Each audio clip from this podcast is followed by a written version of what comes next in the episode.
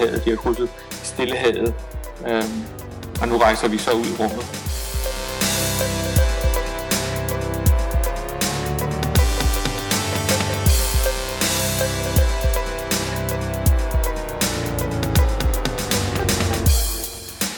Velkommen ind i øh, det nye år, og velkommen til øh, Stetoskopet. Vi sidder her øh, 1. januar og har et, et nyt program klar til jer alle sammen. Vi, uh, vi dykker ned i lidt af en niche i dag, vil jeg sige, Anna. Mm. Øhm, vi sad i sin tid og brainstormede lidt over emner, og, øh, og så, sådan, hvad kan man sige, så snublede vi over, hvad vi kan kalde for en fælles interesse, som vi måske ikke lige har set komme. Øhm, og hvad er det helt præcis for en interesse, vi fandt? Jamen, øh, vi fik jo lyst til at undersøge noget om øh, rummedicin, fordi jeg tror, at øh, vi begge to har været ret øh, ja, interesseret i rummet, og øh, så kom vi bare til at snakke om, øh, hvad der egentlig sker med menneskekroppen, når den kommer ud i rummet. Og øh, vi var begge to ret nysgerrige på emnet, øh, så det tænkte vi, at øh, det skulle vi da undersøge et eller andet om. Det kunne være spændende at lave et program om. Og vi endte jo så med at sådan sidde og kigge videre på nettet, og blev faktisk ret overrasket over, hvad det var, vi fandt. Ja, fordi at det viser sig jo, at Københavns Universitet har haft en, øh, en professor i, øh, i rummedicin, øh, som nu arbejder øh, for NASA. Og ham har du snakket lidt med. Ja, det er, det er simpelthen en, øh, en mand ved navn Peter Norsk, dansk uddannet læge, øh, senere hen øh, professor i, øh, i rummedicin og rumfysiologi, og nu sidder i, øh, nu sidder i, i NASA med en, øh, en stillingsbetegnelse af at være professor and element scientist øh, hos Baylor College of Medicine og hos, øh, hos NASA. Mm. Og det var ret interessant, fordi ja, jeg anede faktisk ikke, at det her overhovedet fandtes, og det er jo egentlig på en eller anden måde helt fantastisk, at altså, en dansk forsker sidder og, og undersøger det her. Ja, og måske det er jo et emne, som, øh, som jeg i hvert fald i høj grad ser som værende et nicheemne, og som Danmark måske ikke skulle være så prominent inden for at forske i. Men øh, her har vi en dansk uddannet læge, der sidder derude som, øh, som chefforsker. Ja, og det er også ret øh, vildt at tænke på, at ja, altså, at man som læge kan komme til at arbejde inden for det her. Man tænker måske meget, at det er ingeniører eller folk med en mere øh, teknisk baggrund. Øhm, men man overvejer måske ikke lige alle de sådan, fysiologiske og humane ting, som der jo også bliver forsket i øhm, i de her programmer. Mm. Det, det er utroligt omfattende, når man først kommer i gang med at kigge, øh, kigge lidt dybere ned i det. Mm. Øhm, så ja, vi tog i kontakt til Peter Norsk, og øh, han var villig til at deltage i, uh, i et interview med os. Mm. Øhm, så det er faktisk det første, hvad vi uh, vil præsentere for jer. Ja, vi havde jo så ikke mulighed for at tage til USA og, og interviewe ham, så det blev uh, et Skype-interview. Det er rigtigt. I må, I må bære lidt over med os i, uh, i forhold til lyd nu her, fordi det, uh, det er ikke altid så godt at sidde og snakke over en computer, som det er at sidde uh, foran en mikrofon, som vi gør nu her. Men før vi lige starter på, uh, på det første interview, så lægger vi en lille teaser op for uh, vores andet interview. Øhm, og den, øh, det må jeg sige, den har du en øh, fjerde i hatten for at, øh, at få i stand. Jeg tog øh, kontakt til den danske astronaut Andreas Mogensen for at høre lidt om hans øh, 10-dages tur øh, til den internationale rumstation og høre lidt om øh, ja, hans oplevelser og øh, beretninger. Mm. Så han venter faktisk øh, lidt senere i, i programmet. Ja. Et, øh, et program med øh, en god portion nørdighed på en dag, hvor I øh, højst sandsynligt ligger med, øh, med tømmermænd og... Øh, og har nogle gode historier fra, fra dagen i forvejen. Vi er klar med, med første interview med Peter Norsk, og det kommer her. Hvilke langtidsfølger er der forbundet med at være i rummet i længere tid? Jo, men når du er i rummet, bliver du udsat for primært vægtløshed. Det er det, som folk kalder microgravity også. Altså det, at der mm. ikke er effekten af tyngdekraften på din krop. Og det har jo ikke noget at gøre med, at der ikke er tyngdekraft i kredsløb om jorden på rumstationen. Men det er jo fordi, man er under et frit fald hele tiden, hvor der ikke er nogen mekanisk tryk på din krop, ligesom der er, når du øh, står på jordens overflade. Mm. Og vi har jo igennem millioner år tilpasset vores fysiologi og levensfunktioner. De er jo tilpasset at være under tyngdekraftens tryk hele tiden. Og hvis det så pludselig ophører over noget tid eller længere tid, så opstår der nogle ændringer i kroppen, som øh, medfører lidt degenerering af kroppens funktioner. For eksempel knoglerne, de bliver svære, fordi de behøver ikke være stærke, hvis der ikke er det mekaniske tryk på dem. Øh, musklerne bliver sværere. Det kræver så, at man skal træne endnu mere i rummet, end man gør på jorden, for man mister den der tyngdekrafteffekt. Øh, kredsløbet bliver forskudt op imod hovedet og hjerte, så der bliver sådan en blodophobning i den øvre del af kroppen, i modsætning til den nederdel af kroppen, og det kan give øh, øh, problemer med blandt andet øh, synet, hvor nogle astronauter har ændret øh, refraktion, det vil sige, at de bliver nødt til at bruge, indstille deres briller til et nyt niveau, eller bruge briller simpelthen, som de ikke har gjort før. Og vi er også nervøse for, at denne ophobning af blod i den øvre del af kroppen kan føre til påvirkning af hjernens funktioner. Så det er noget, der forskes meget i. Og så er der også en svækkelse af kredsløbets reflekser, således at når man lander på jorden, så har man øh, lettere øh, har man en tendens til at besvime, øh, fordi reflekserne ikke har været aktiveret i noget tid. Altså det at opretholde et blodtryk imod jordens tyngdekraft, træk af blod ned imod benene. Øh, immunsystemet bliver også påvirket, men det er i mindre grad af vægtløshed. Det er mere på grund af hele den stress, som astronauterne er udsat for, og den isolation, de er udsat for. Men det er noget, der er et problem, fordi vira bliver reaktiveret. Hvis du har, alle mennesker har nogle virus inde i kroppen, blandt andet som følge af skoldkopper for de børn, og de bliver lettere reaktiveret under stress, og det ser vi også i rummet. Og så er der øh, hele aspektet øh, omkring, øh, hvilken føde astronauterne skal have, altså hvad er det mest optimale, for de spiser mindre, fordi deres øh, balanceorgan bliver forstyrret, og i begyndelsen af rumfærd har de kvalme, så spiser de ikke så meget, øh, og så øh, øh, for at opretholde deres øh, kalorieindtag, bliver man nødt til at sammensætte føden på en måde, så det, de gider spise den. Og endelig så er det jo også, når man lander, så er det ikke bare besvimelse, astronauterne er udsat for. De bliver også mere forvirret og har mistet balancefunktionen, fordi det ikke har været nødvendigt i rummet. Og det betyder, at det tager lidt tid, før de kan gå. Vi ved nu, at i op til et år i rummet, i kredsløb om jorden, det kan man, hvis man træner nok på sådan noget træningsudstyr, som skal være ombord på mm. Øh, så plejer det at gå. Og selvom vi har de her problemer, jeg har beskrevet, så det, kan vi ligesom modvirke det med forskellige foranstaltninger. Men det, der bekymrer os, det er, at øh, det er jo besluttet, øh, at den amerikanske regering, nu for, anden gang, øh, nu for tredje gang faktisk, at mennesker skal ud i det dybe rum. Det betyder længere ud end bare i kredsløb om jorden. Ud mod månen og ud mod Mars. Og den mhm. største bekymring, jeg har i hvert fald, det er, at når man samtidig med at være vægtløs, isoleret, stresset og skal være flere år i rummet, så også bliver udsat for en helt anden form for bestråling, hvor vi ikke ved, hvad det betyder for kroppens funktioner. Det er det, jeg er mest bekymret for, hvad det betyder. Det ved vi ikke noget om. Og det andet, det er selvfølgelig, øh, at vi er bekymret for, at hvis man er væk tre år, der er ingen mennesker, der har været tre år i rummet, vi ved ikke, hvad det vil betyde. Det længste af 438 dage, som øh, Valery Polyakov i, øh, jeg tror det var enten 95 eller 96, hvor han landede efter en 438 dages lang tur på Mir. Og ingen har været længere i rummet ude i et stræk end det. Og skal man til Mars og tilbage igen, så bliver det 1000 dage. I forhold til alle de her ting, du har nævnt, som er, øh, er måder, at kroppen bliver påvirket på, i hvor høj grad er man i stand til på nuværende tidspunkt at, øh, og så at sige, behandle dem, eller, øh, eller i hvert fald sætte min status quo, når folk er i rummet? Altså knogler og muskler kan vi bevare nogenlunde med, den, med det træningsudstyr, vi har i dag på rumstationen. Så vi ved, hvordan vi kan modvirke ændringerne i musklernes svækkelse og knoglernes afkantning.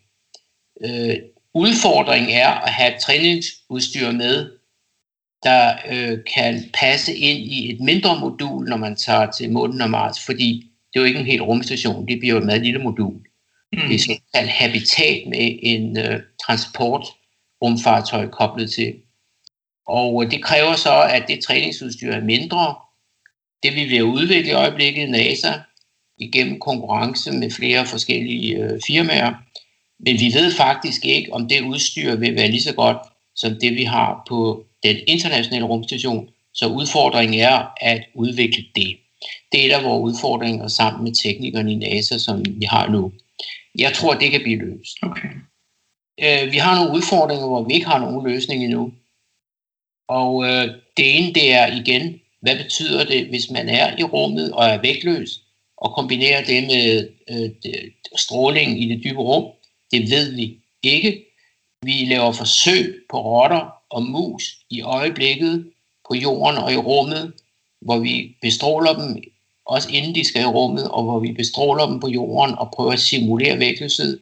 Men vi ved stadig ikke nok om, om vi faktisk gør hele kroppen syg ved at øh, en organisme opholder sig i længere tid i det dybe rum. Så det er en meget stor udfordring, som vi forsøger at afklare inden for rimelig tid.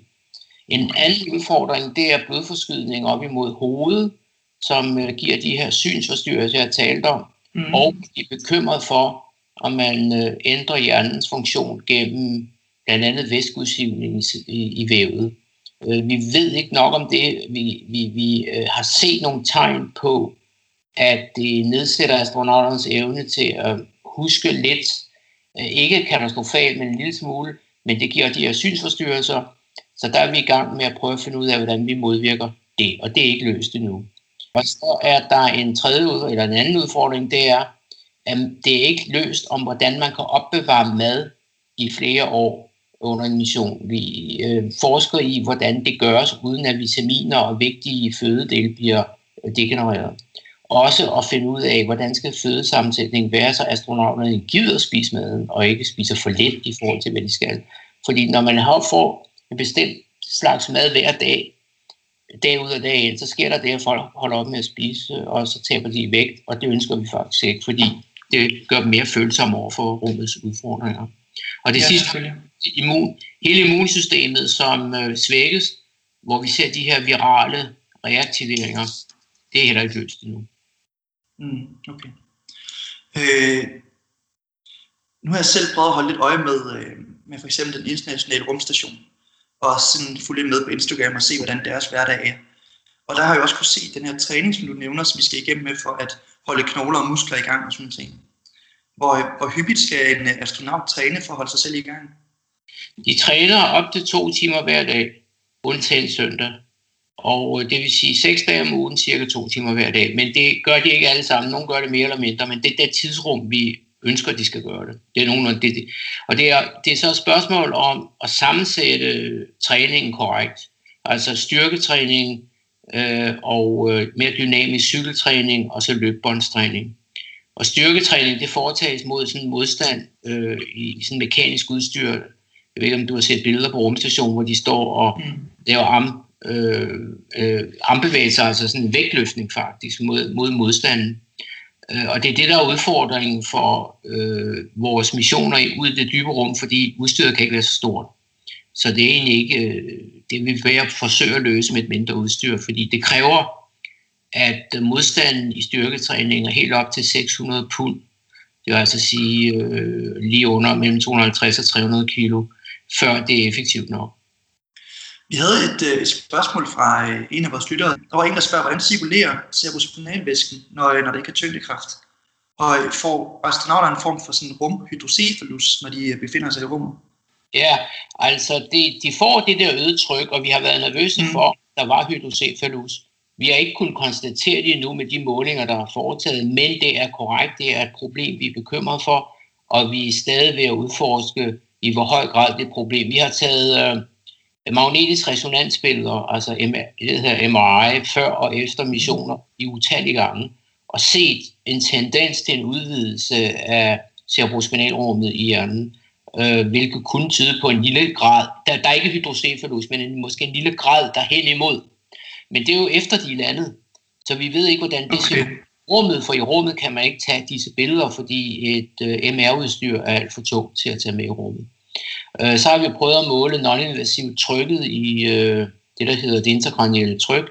Men non-invasive metoder er ikke altid lige nøjagtige, men vi ser ikke nogen stigning i rummet. Og det er faktisk lidt for overraskende, men øh, vi arbejder på at finde ud af, om det er en målfejl, eller om det er korrekt mål, så vi kan ikke sige noget om det nu. Men vi ved, at der er en blodforskydning op til hovedet, og vi ved, at det venøse tryk i hovedet er øget, og det er en bekymring.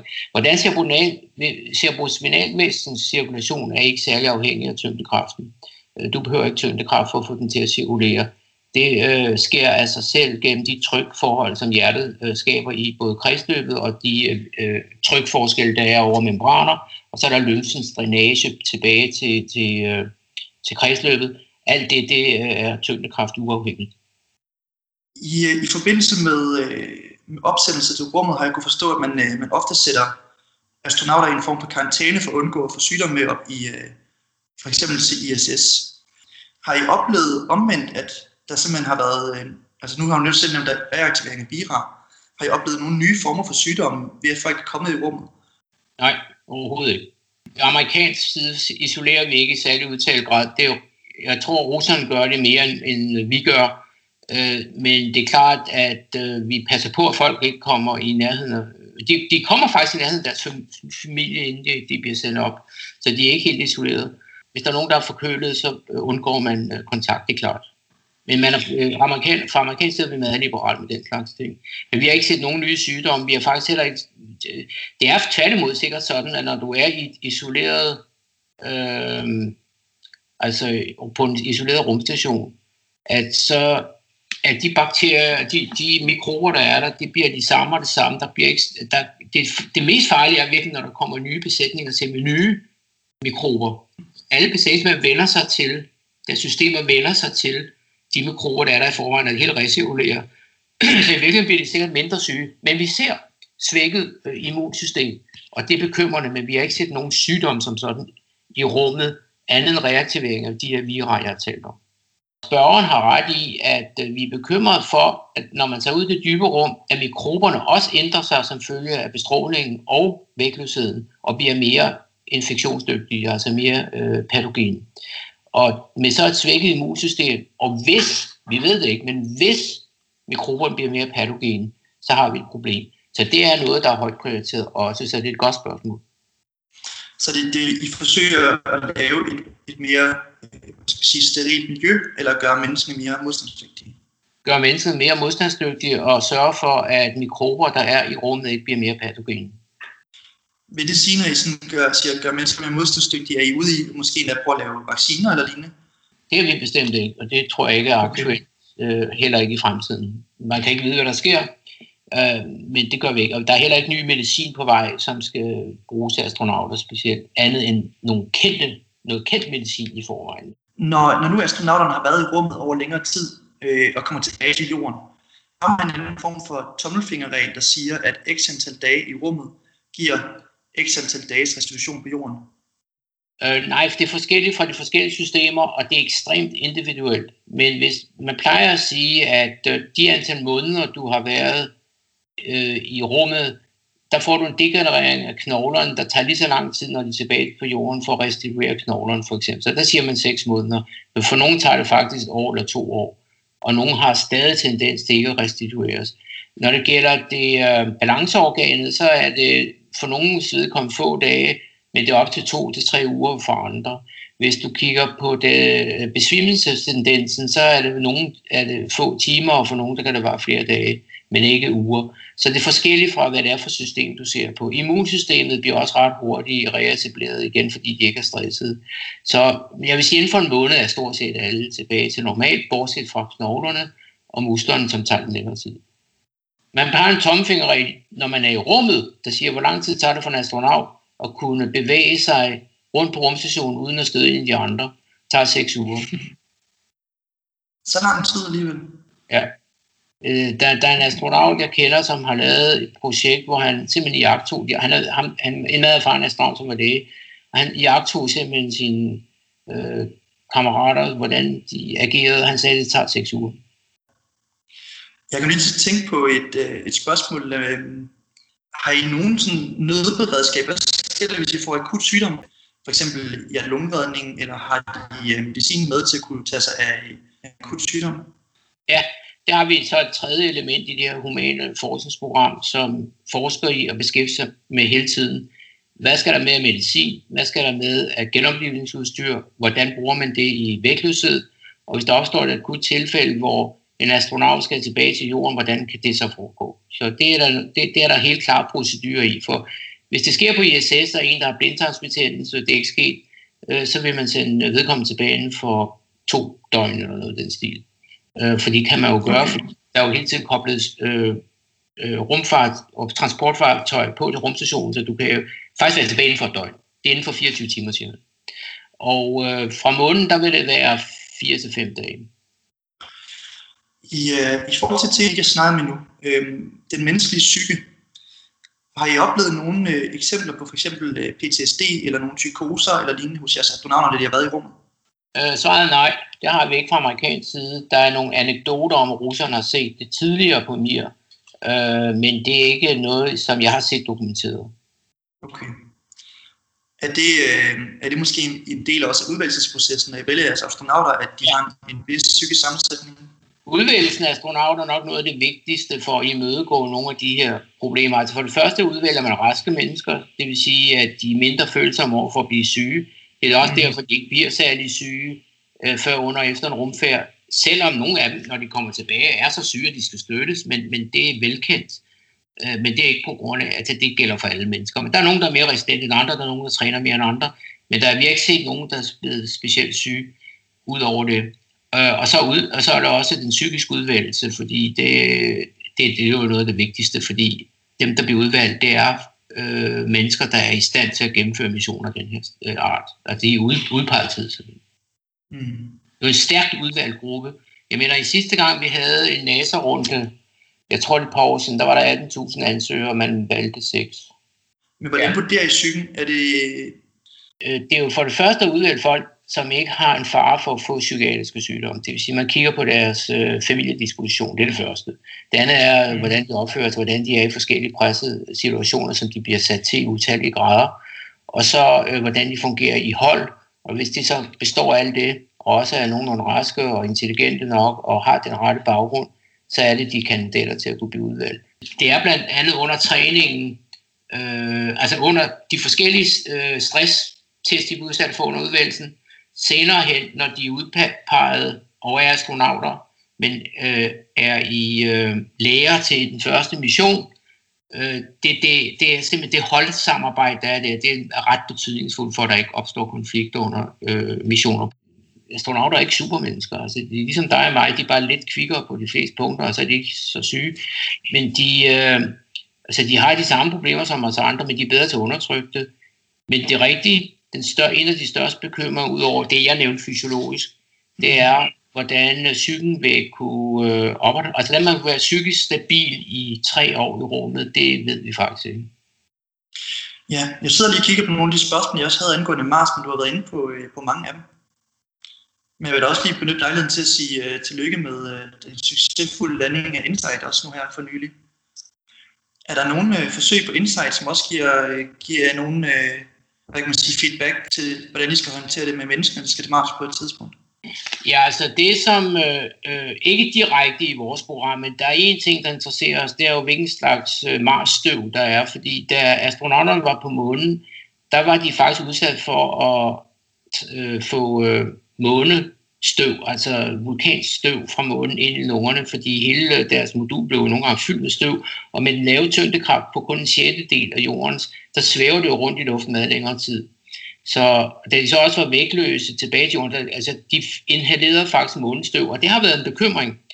Og jeg var til et møde her for, ja det var sgu i år, øh, hvor øh, Harrison Smith, som var den sidste af de to astronauter, der var de sidste, der var på månen, han tilbød jo, at han, at han, når han døde, jeg tror han er 85 eller mellem 85 og 90, som er meget frisk. Han sagde, når jeg dør, så vil jeg gerne have I obducerer mig og se, om I kan se, om der skulle være partikler af månestøv i mine lunger, fordi der er ingen tvivl om, at vi inhalerede det. Men han har ikke haft nogen følgevirkninger af det. Han har ikke mærket noget.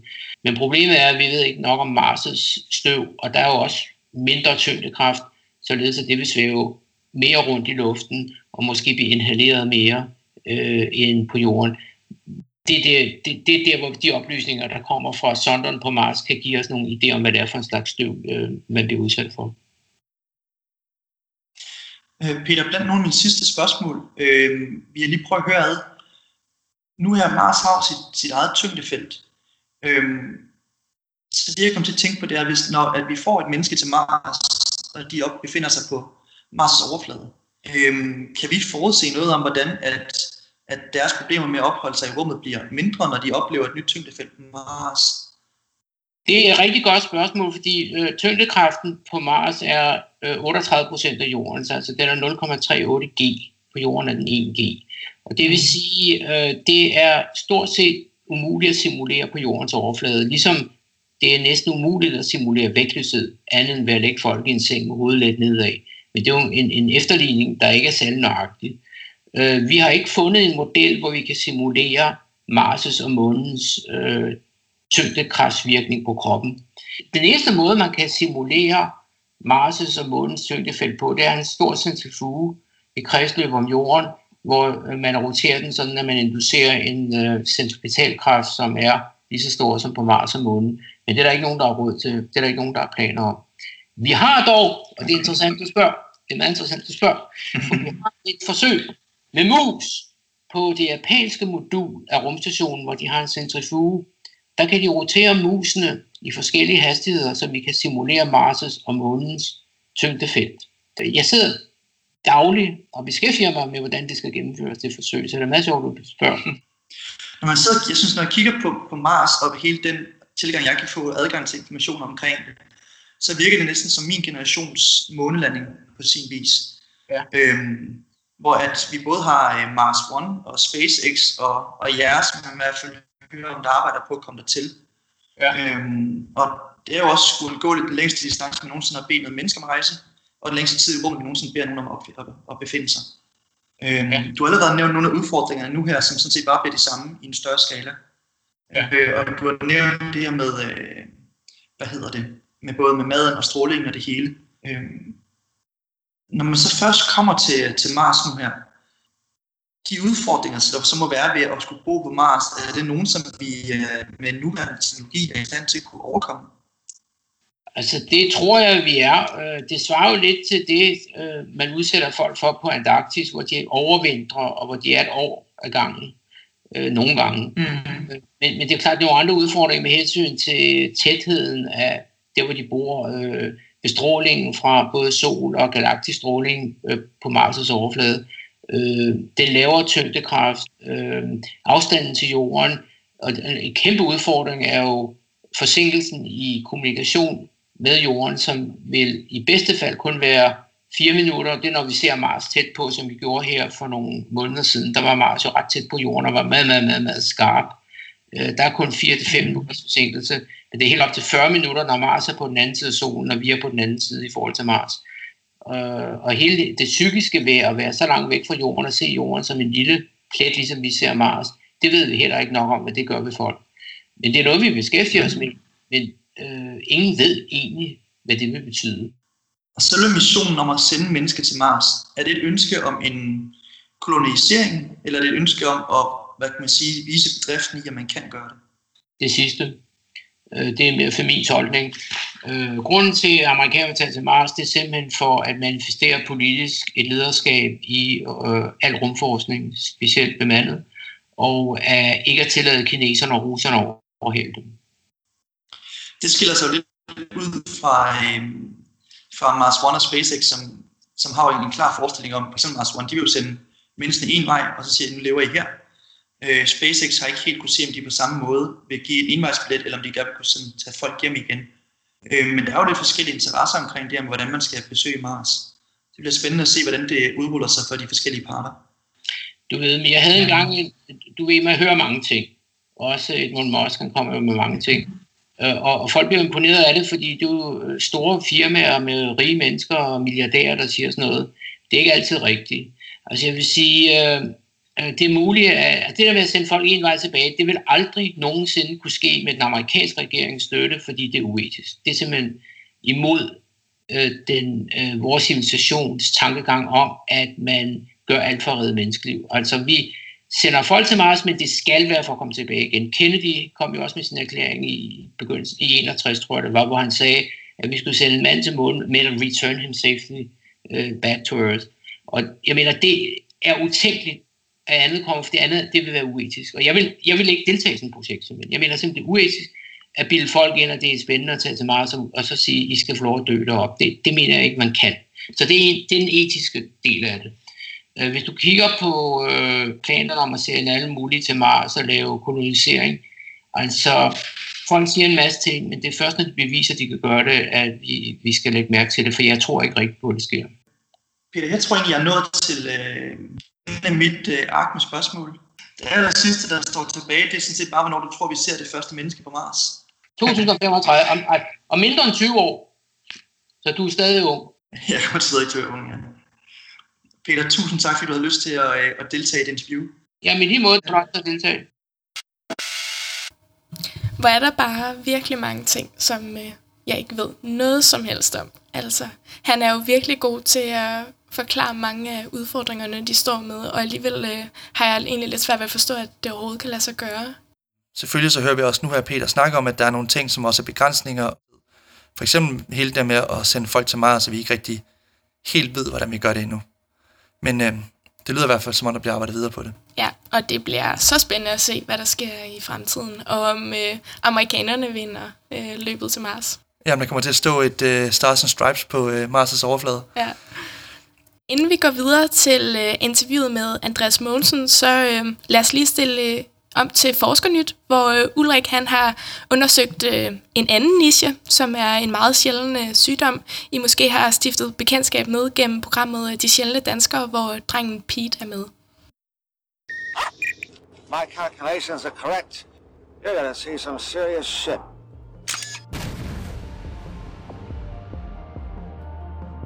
Med den lyd er der evidensniveau 1A for, at det er blevet tid til Forskernyt. Den medicinske forskningsverden er lige så hektisk og forvirrende som rådspladsen nytårsaften. Men så er det godt, du har Forskernyt til at vise dig, hvilken vej raketten skal vende. Jeg hedder Ulrik Stolse, og denne gang er jeg kun i selskab med mig. Men for jeg ikke skal føle mig alt for mutters, så synes jeg lige, vi skal møde en helt særlig, ja næsten unik person, som I muligvis kender i forvejen, nemlig Pete. Jeg hedder Pete, og jeg er 10 år gammel. Og så er der fjernsyn, sofa, og en far, der går rundt og ser gnaven ud. Og ser gnaven ud? altså, Pete's sygdom er ekstremt sjælden. Der er mange læger rundt omkring i verden, der har kigget på hans case, men han, er ikke, øh, han har ikke nogen diagnose. Altså, min sygdom er bare den sjældneste i hele verden. Der er sikkert større chance for at få et lyn i hovedet, end der er for at, at, at, at få det, som han har. Røvhulssygdom.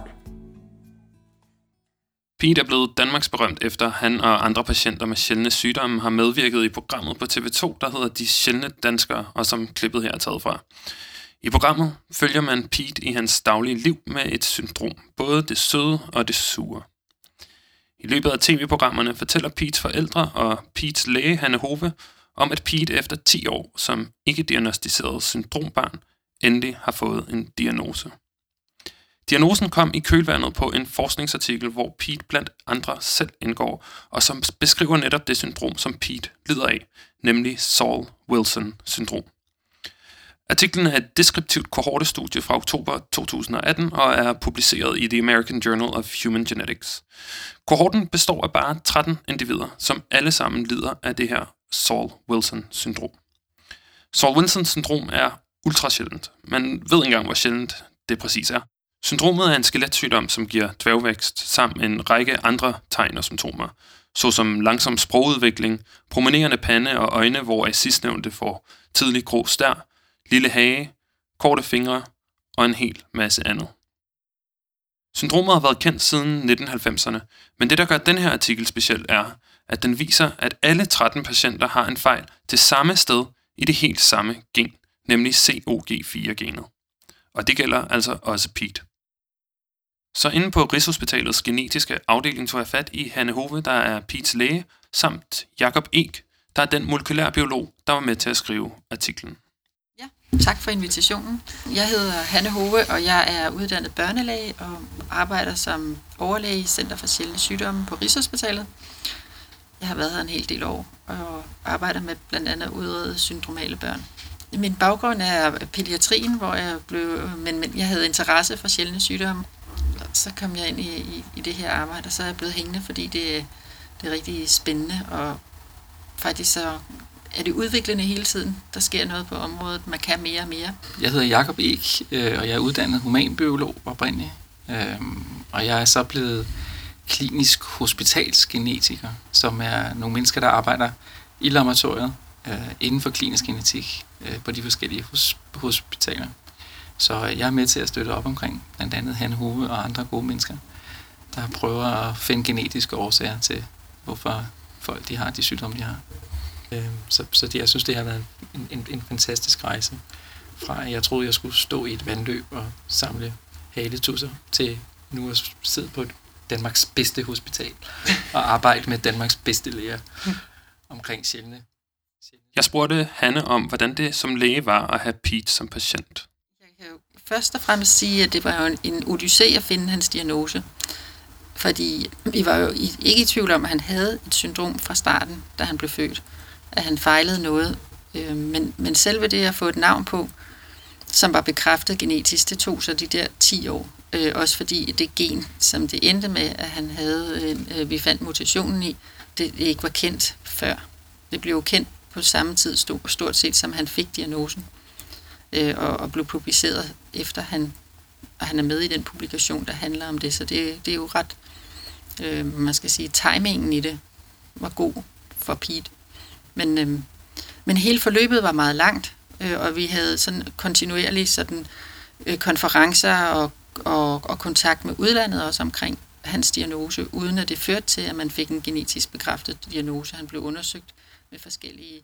Pete's mor Julie ender med at bidrage til at finde diagnosen ved, at hun øh, opdager et barn på Facebook, som ligner Pete fuldkommen.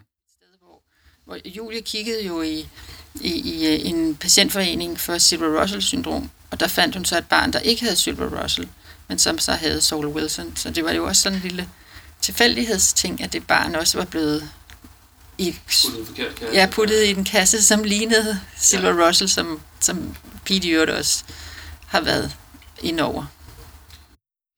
Jamen det var, øh, i virkeligheden var det jo faktisk moren, som fik sporet os lidt ind på, hvad for en boldgade, øh, at vi ligesom skulle kigge på Pete, altså hvilke briller vi skulle kigge på Pete med. Fordi at øh, det store problem med, øh, med, med lige præcis det gen, hvor vi har fundet en variant i Pete, og som er den samme variant, der er fundet i de 13 andre patienter, som er beskrevet i den her artikel, det var i virkeligheden et gen, som man kendte i forvejen, øh, og når der to mutationer, det vil sige, når man har en mutation både fra ens mor og ens far i lige præcis det her gen, så får man en helt anden sygdom. Ikke en, ikke en sygdom, som, som er Saul Wilson, men som er en sygdom, som er en lille smule anderledes. Så, så derfor havde vi faktisk, faktisk helt fra starten af, da vi lavede exomsekventeringen, som er en undersøgelse af alle de kendte gener i den, den humane arvemasse, der havde vi faktisk set den her variant, som viste sig at være the smoking gun i sidste ende. Men vi havde tænkt, jamen vi skal jo finde to mutationer for, at det skal give en sygdom. Så derfor havde vi afvist den. Men da moren jo ligesom havde sagt, at det var i den boldgade, vi skulle, vi skulle kigge i, så havde vi ikke, så vi havde ikke bare opgivet den variant, fordi den lå jo i det gen, som moren faktisk havde peget på, måske kunne være det gen, som vi skulle kigge på. Så vi havde faktisk svaret den ud som, vi har fundet den her variant. Vi ved ikke, om det er den, der gør, at Pete bliver syg, men vi har altså fundet den her variant. En VUS, præcis. En variant of unknown significance. Øh, så, så, så derfor var vi sådan, vi havde fundet den her variant, men jamen, det har været, det har været i, vi fandt den måske i februar eller i marts sidste år. Øh, og så faldt det jo først på plads, da vi fandt ud af, at øh, alle de her 13 andre patienter faktisk havde den mutation, som vi havde fundet hos Pete, så faldt alting på plads, øh, og så passede fenotypen jo også fuldstændigt.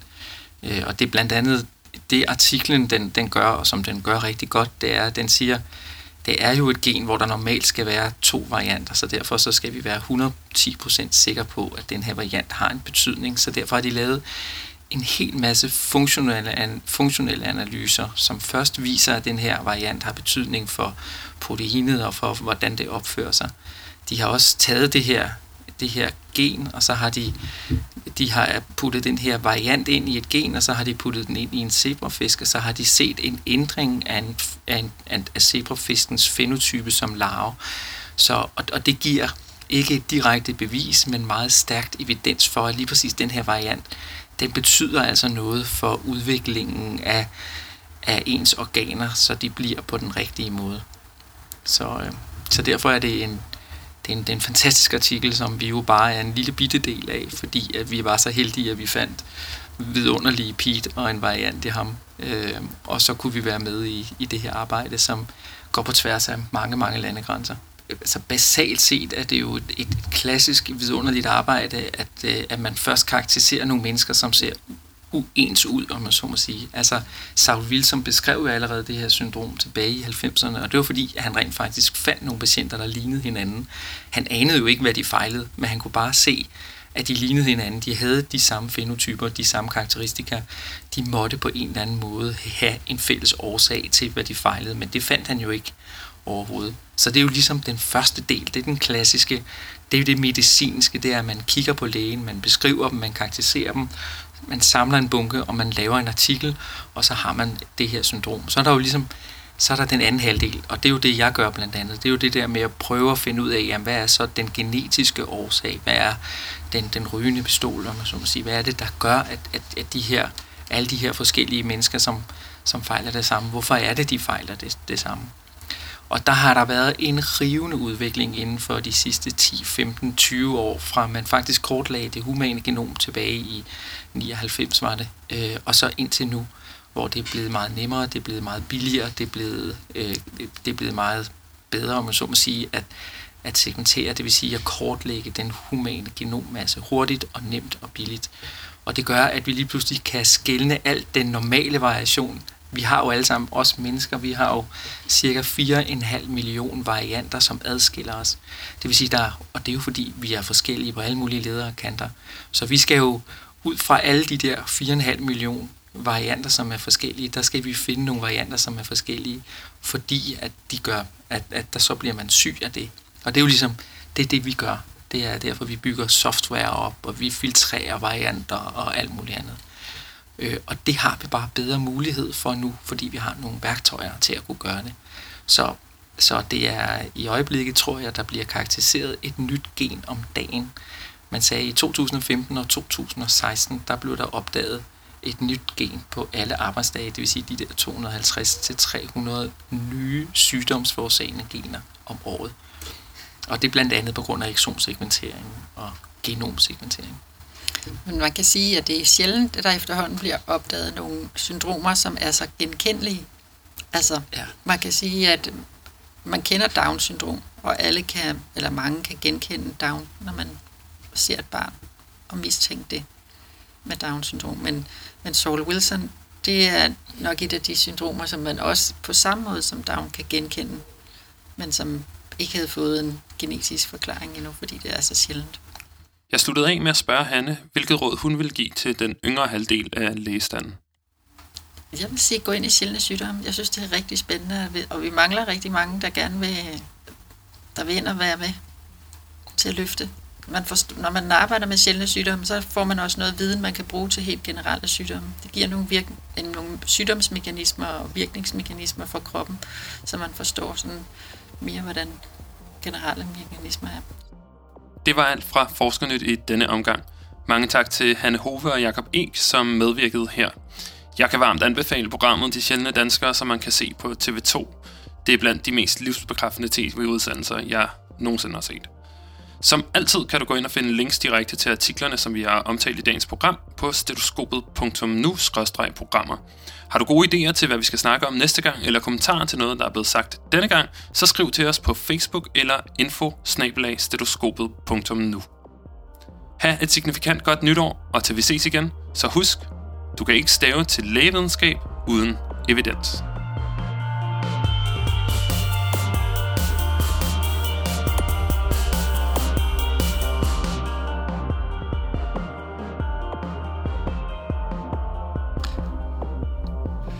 Der skal lyde et, øh, et stort tak til Ulrik for at, at give os et indblik i forskningsverdenen nu her.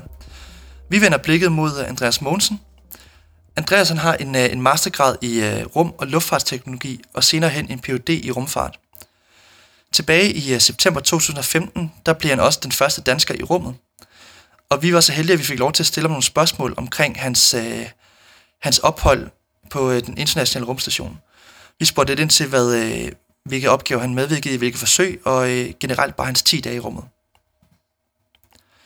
Igen må vi lige nævne, at interviewet med Andreas det er lavet over en, øh, en telefon, så desværre så er lydniveauet stadigvæk ikke øh, svarende til at sidde i en mikrofon, men vi håber stadig, at vi kan høre, hvad, øh, hvad Andreas siger. Hovedformålet med mit korte øh, mission, det var at øh, skifte deres Soyuz rumskib ud for dem. Men øh, jeg brugte selvfølgelig også min tid ombord på rumstationen på at udføre øh, forskning og teknologiudvikling, for det er jo selvfølgelig hovedformålet med selve rumstationen. Så jeg havde en masse forskellige eksperimenter inden for øh, fysiologi, øh, biologi, øh, teknologiudvikling, øh, jordobservation osv. osv. Altså de her fysiologiforsøg, du skulle lave, hvad gik de ud på? Jamen altså, der sker rigtig meget med astronauterne og deres kroppe i rummet, øh, når man er vægtløs. Det at være vægtløs, det minder faktisk meget om at være sengeliggende. Um, altså hvis du er indlagt på hospitalet og ligger i sengen i flere dage eller uger øh, af gangen, så oplever du også meget af det samme, som astronauter oplever i rummet. Det vil sige, at man, øh, man mister muskelmasse, man mister knoglemasse. Um, astronauternes immunforsvar bliver også påvirket og komprimeret. Um, vores syn øh, bliver påvirket af at være i rummet. Um, og det er ting, som vi ikke helt forstår, uh, hvordan det sker. Um, så vi, vi bruger meget tid på at studere astronauterne og deres kroppe, og så også finde på, uh, på, på, på løsninger. For hvis vi en dag gerne vil rejse længere ud i rummet, altså for eksempel til Mars, um, så er det vigtigt, at vi uh, forstår, hvad der sker uh, med vores kroppe, og hvordan vi kan uh, modarbejde nogle af de negative konsekvenser ved at være i rummet. Og så selvfølgelig samtidig så bruger vi den viden til at øh, blive klogere omkring vores kroppe og, øh, og forstå sige, vores egen fysiologi bedre, så vi kan øh, hjælpe patienter øh, bedre på jorden. Når man er afsted i kun 10 dage, altså hvad nåede du sådan selv at mærke på egen krop? Jamen ikke, øh, altså ikke specielt meget selvfølgelig, fordi 10 dage er en relativt kort periode, men alligevel øh, i nogle af de øh, forsøg, jeg deltog i, øh, der kunne man se, at man sige, de første øh, kemiske signaler i, i blodet øh, ligesom var, var startet, så den her proces øh, omkring nedbrydelsen af, af muskelmasse og, og knogle øh, tæthed var skulle til at starte. Øh, men selvfølgelig nåede, nåede processen ikke rigtig at, at, at gå i gang, men man, man kunne allerede se de første markører, der tyder på, at, at, at processen skulle til at starte blev der taget prøver sådan undervejs, eller var det sådan værdier fra inden du tog afsted, der blev sammenlignet med prøver, da du kom ned igen? Eller? Jamen det er sådan lidt forskelligt, alt afhængig af hvilket forsøg det er, men altså generelt så, så bliver der taget prøver, inden man bliver sendt afsted. Øh, så tager man prøver un, øh, under missionen, og så igen, når snart man lander tilbage på, på jorden igen. Og så typisk så følger man så også øh, rehabilitering på jorden, så det vil sige, at altså, man fortsætter med at tage øh, prøver øh, helt op til 6 måneder eller et år efter man er, er landet igen. Bare på, for at se, hvordan kroppen øh, vender sig til, til tyngdekraften og vender sig til at være tilbage på jorden igen. Hvordan vil du beskrive øh, din krops tilstand, da du sådan kom tilbage til jorden igen? Jamen, jeg blev faktisk rigtig overrasket. Øh, altså, jeg havde ikke regnet med, at jeg ville kunne mærke nogen stor forskel øh, efter bare 10 dage i rummet. Øh, men det, det kunne jeg helt sikkert. Øh, altså, mest af alt, så kunne jeg blev jeg overrasket over, hvor tung min krop føltes. Altså især mine arme og mine ben. Altså bare det, jeg skulle øh, gå, var... Øh, ja, det, det var sådan hårdt. Eller det var, jeg skulle virkelig sådan... Altså, det føltes som om, jeg, jeg slæbte rundt på sådan tunge vægte, øh, da jeg gik. Um, også bare det at sidde i en stol. Altså, når jeg sad i en stol i løbet af den første dag eller to, så, så var det som om, øh, der var nogen, der sad og pressede mig ned i stolen. Um, så ligesom hele, hele min egen kropsvægt skulle jeg vende mig til igen. Og så derudover, så skulle min sige, balancesans skulle også tilpasse sig øh, jorden igen. Øh, når man er ude i, i rummet, så øh, bliver øh, balancesansen jo sat lidt ud af, af kraft, øh, simpelthen fordi øh, den måde, du fungerer, fungerer på, er jo, at øh, der sidder de her små, ja, hvad kan man kalde det, små sten nærmest, på nogle meget finfølende hår inde i øret, Øhm, men når man så er vægtløs, jamen så de små sten inde i øret, de, de svæver jo ligesom alt andet, og så, så fungerer balancesansen ikke. Og så når man så lander tilbage på jorden igen, så, ligesom så, så begynder det at fungere igen, øh, og så skal man så ligesom vende sig til det. Så i første par dage var, var jeg sådan lidt svimmel. Jeg havde sådan en fornemmelse af, at jeg svingede fra side til side, da jeg gik. Hvor lang tid gik der, før du var tilbage til normalen, synes du? Jamen, det gik, der gik ikke lang tid. Der gik uh, to-tre dage eller sådan noget. Øh, men det er selvfølgelig også afhængigt af, hvor meget tid man med. Altså jeg ved fra øh, blandt andet Scott Kelly, øh, som jeg jo nævnte, tilbragte et helt år deroppe. Altså han, han sagde, at det tog ham måske 3-4 måneder, før han ligesom synes, han var tilbage til, til den tilstand, han havde, inden han tog afsted. Så det er, det er meget afhængigt af, hvor lang tid man er i rummet. Men altså for mig, efter bare to-tre dage, så, så var jeg tilbage til, til hvad jeg vil kalde normalt. Okay. Øhm, lige for at vende tilbage øh, til de forsøg, som du har været med til, øhm, hvor du nævnte, at det var med til at bringe viden tilbage til behandling af patienter. Øhm, kender du til noget af den viden, som der ligesom, øhm, er kommet med tilbage fra rummet, der nu bliver anvendt på hospitalerne rundt omkring? Jamen altså blandt andet, altså nu nævnte jeg lidt, at, øh, øh, at astronauter oplever tab af muskelmasse og knoglemasse. Øhm, og især, ser det omkring knoglemasse, det minder meget om osteoporose, som ældre mennesker oplever. Øh, så mange af de sige, forskningsresultater, øh, som vi har fra, fra astronauterne i rummet, de, de kan vi bruge til at, at hjælpe øh, ældre patienter med osteoporose her på, på jorden. Øh, også nogle af de scanningsmaskiner, som man kan gå ind og øh, øh, undersøge knogletætheden, er, er blevet udviklet i samarbejde med, med ESA og NASA.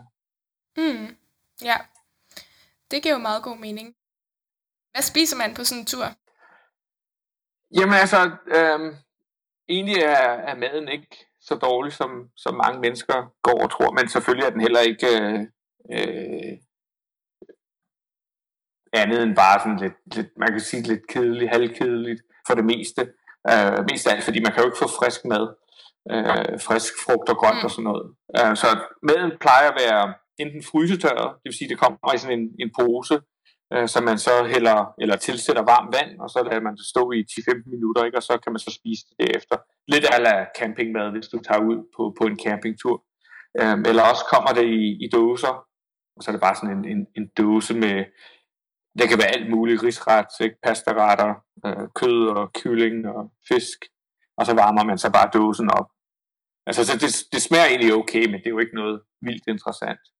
Øhm, hvordan vil du beskrive det at være altså, fanget på så lidt plads med så mange andre mennesker, man ikke kender så godt i så lang tid?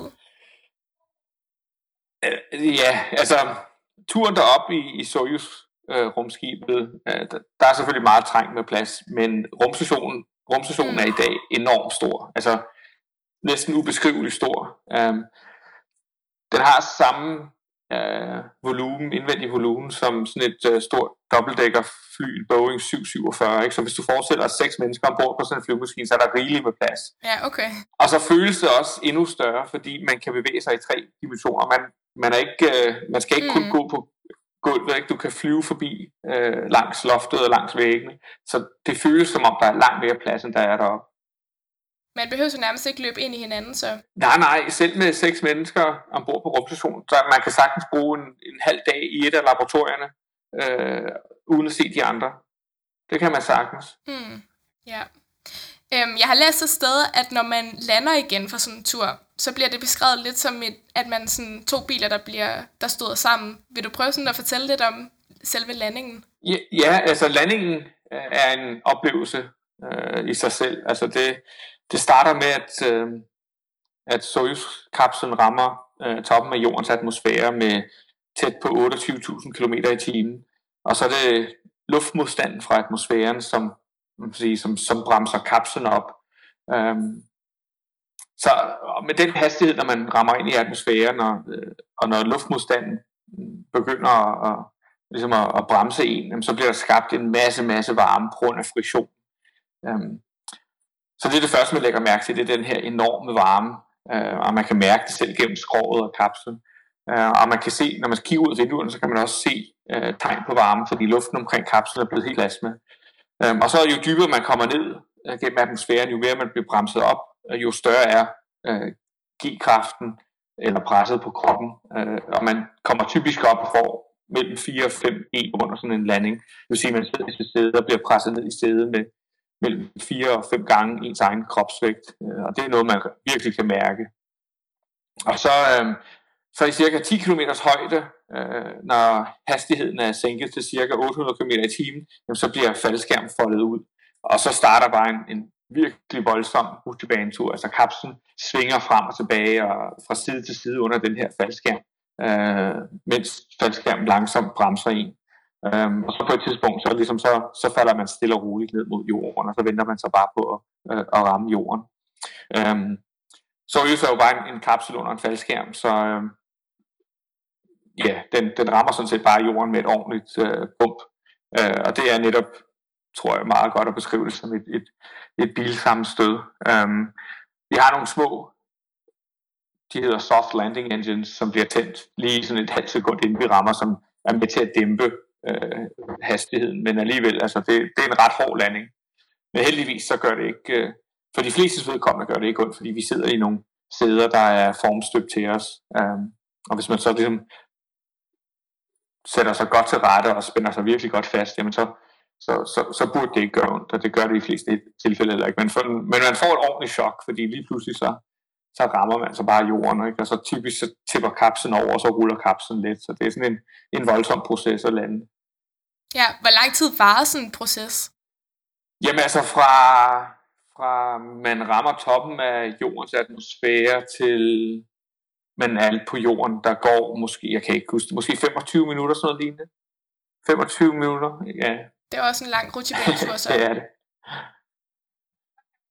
Og kan man godt, altså er det nemt nok at bevare roen i sådan en halv time? Ja, altså der er jo ikke så meget, man kan gøre. Alt på det tidspunkt er fuldt automatisk, ikke? så man, man sidder bare i sin sæde og, og krydser fingre for, at alt går godt. Um, andet er der ikke rigtig at lave. Vi har jo snakket en del om sådan selve turen, men kan du øh, fortælle lidt om sådan forberedelserne, inden man tager afsted?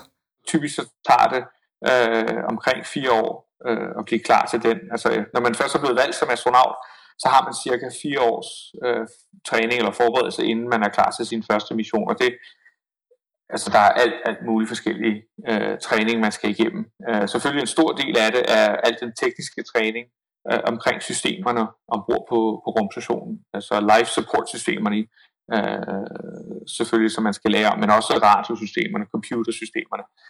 Øh, alt, hvad der skal holde os øh, i live, og, og hvad der skal holde øh, rumstationen flyvende, øh, er noget, som øh, vi skal lære om. Ikke kun, hvordan vi anvender det eller bruger det, men også, hvordan vi reparerer det, hvis noget skulle gå i stykker. Ikke? Fordi øh, altså noget så simpelt som toilettet, ikke? hvis toilettet går i stykker, men så, så er det også selv, der skal øh, reparere det, og det gælder for alle systemer. Så en meget stor del af træningen er selvfølgelig den tekniske træning. Men derudover så skal vi også lære at, at styre øh, den 17 meter lange robotarm, som vi bruger deroppe, der er et af, et af, vores vigtigste værktøjer. Vi skal lære, hvordan man går på rumvandring. Vi skal lære, hvordan man flyver Soyuz øh, rumskibet. Øh, og så samtidig skal vi selvfølgelig også lære russisk, øh, fordi Soyuz er et, er et russisk rumskib, så det vil sige, at alt ombord er på russisk, øh, og det er vigtigt, at vi kan øh, både tale og læse det. Så meget tid går også med at lære russisk. Så det er lidt ligesom at, at gå i skole på mange måder. Har du øh, nogen planer om at skulle afsted igen? Ja, altså jeg har ikke nogen konkrete planer, men øh, altså ESA har jo en, ESA, den europæiske rumorganisation, som jeg arbejder for, har jo en, øh, en generel plan om, at øh, jeg skal på en, en anden mission. Øh, hvornår det bliver, det ved jeg så ikke, men på et tidspunkt mellem 2020 og 2024 vil jeg gætte på. Er der noget, øh, du har lært af den sidste tur, som øh, du sådan vil tage med dig næste gang, eller nogle andre forholdsregler, du vil gøre dig, inden du skulle afsted igen? Altså selvfølgelig, jeg har fået en masse erfaring, øh, bare ved at være i rummet. Uh, det, det at være vægtløs er, er jo noget, som man ikke rigtig kan øh, træne sig til eller forberede sig på her på jorden. Øh, vi har jo desværre ikke noget rum, man kan gå ind og så slukke for tyngdekraften. Så alt det bare med, hvordan man lever og arbejder effektivt i, i rummet, det er først noget, man øh, oplever eller lærer, når man kommer der. Hvad er sådan dit bud på øh, fremtiden inden for det her? Altså, er der perspektiv i, at vi bliver ved med at sende øh, mennesker ud i rummet? Ja, det er jeg næsten sikker på. Altså, jeg kan ikke forestille mig, at vi, vi vil holde op. Um, altså, det jeg tror, vi er i gang med i øjeblikket, det er en proces om at, øh, hvor det går ud på at lære og udvikle mere teknologi, som skal gøre det muligt for os at, som første skridt at etablere en, øh, en rumstation i kredsløb om månen, eller en base på overfladen af månen, hvor vi kan sende forskere til øh, i seks måneder eller et, halvt, eller et år ad gangen, ligesom vi gør øh, nede på Antarktis. Øh, og så derfra, så tror jeg helt sikkert, at vi vil øh, begynde at bevæge os mod Mars. Øh, og igen også se jeg vil sige, forskningsstationer oprettet på, på overfladen af Mars. For, for mig så er rumfart en, en helt central del af, af, hvad det er, der gør os mennesker. Altså vi, mange spørger, hvad, hvad, hvad skal vi med, med rumfart? Ikke? Er det ikke spild af penge? Men øh, altså for mig så er det en, en del af at være menneske. Øh, og, og stille sig spørgsmål omkring, hvor vi kommer fra, og hvem vi er, og hvad vi er en del af. Man sige, rumfart for mig er bare en forestillelse af den tradition, som vi har set gennem de sidste tusindvis af år, ikke? hvor mennesker har, har undersøgt øh, omgivelserne. De har sejlet, de har krydset Atlanterhavet, de har krydset Stillehavet, øh, og nu rejser vi så ud i rummet for at, at, at forstå mere om, om verden omkring os, men også for at forstå mere om, om os selv og hvem vi er, og, og, og, ja, og hvad vi er en del af. Min øh, interesse for rummet bliver jo kun øh, styrket af de her ting, som øh, Andreas fortæller til sidst. Altså øh, hans syn på, at, at rumfart er en del af det at være en menneske, og vi bliver nødt til at spørge os selv om, hvor det er, vi kommer fra, og, og hvor vi skal hen. Man får kun lyst til at undersøge mere om det egentlig. Jeg, jeg er nok et ret nysgerrig menneske på mange punkter, øhm, og er også utrolig nysgerrig på, på rumfart og bare nye ting. Det taler ret meget til mig også at søge ud af og opdage, hvad der er i rummet, hvad der er i vores solsystem. Det lyder så voldsomt at sige det på den måde, men det er jo dybest set det, som der bliver lagt lidt op til nu her. Jeg ved ikke, om, øh, Anna, om vi har så meget mere at, øh, at byde vores lyttere. De har været en lang tur igennem nu her. Ja, og øhm, jamen, vi er ved at nå til vejs ende af, af årets første program. Ja. Vi vil sige uh, tak, fordi I lyttede med. Hvis I har lyst til at høre nogle flere af vores programmer, eller bare lære noget mere om os, så uh, kan I altid finde os inde på stetoskopet.nu, eller på Facebook, eller nu her for nylig også på Instagram. Gå gerne ind og øh, like os alle steder, I overhovedet kan. Og så vil I automatisk blive opdateret om nye programmer og hvad vi ellers finder på af interessante ting. Ja, og I er selvfølgelig også altid velkommen til at sende øh, ris og ros til os øh, på de medier, I nu kan finde os på. Vi lyttes ved.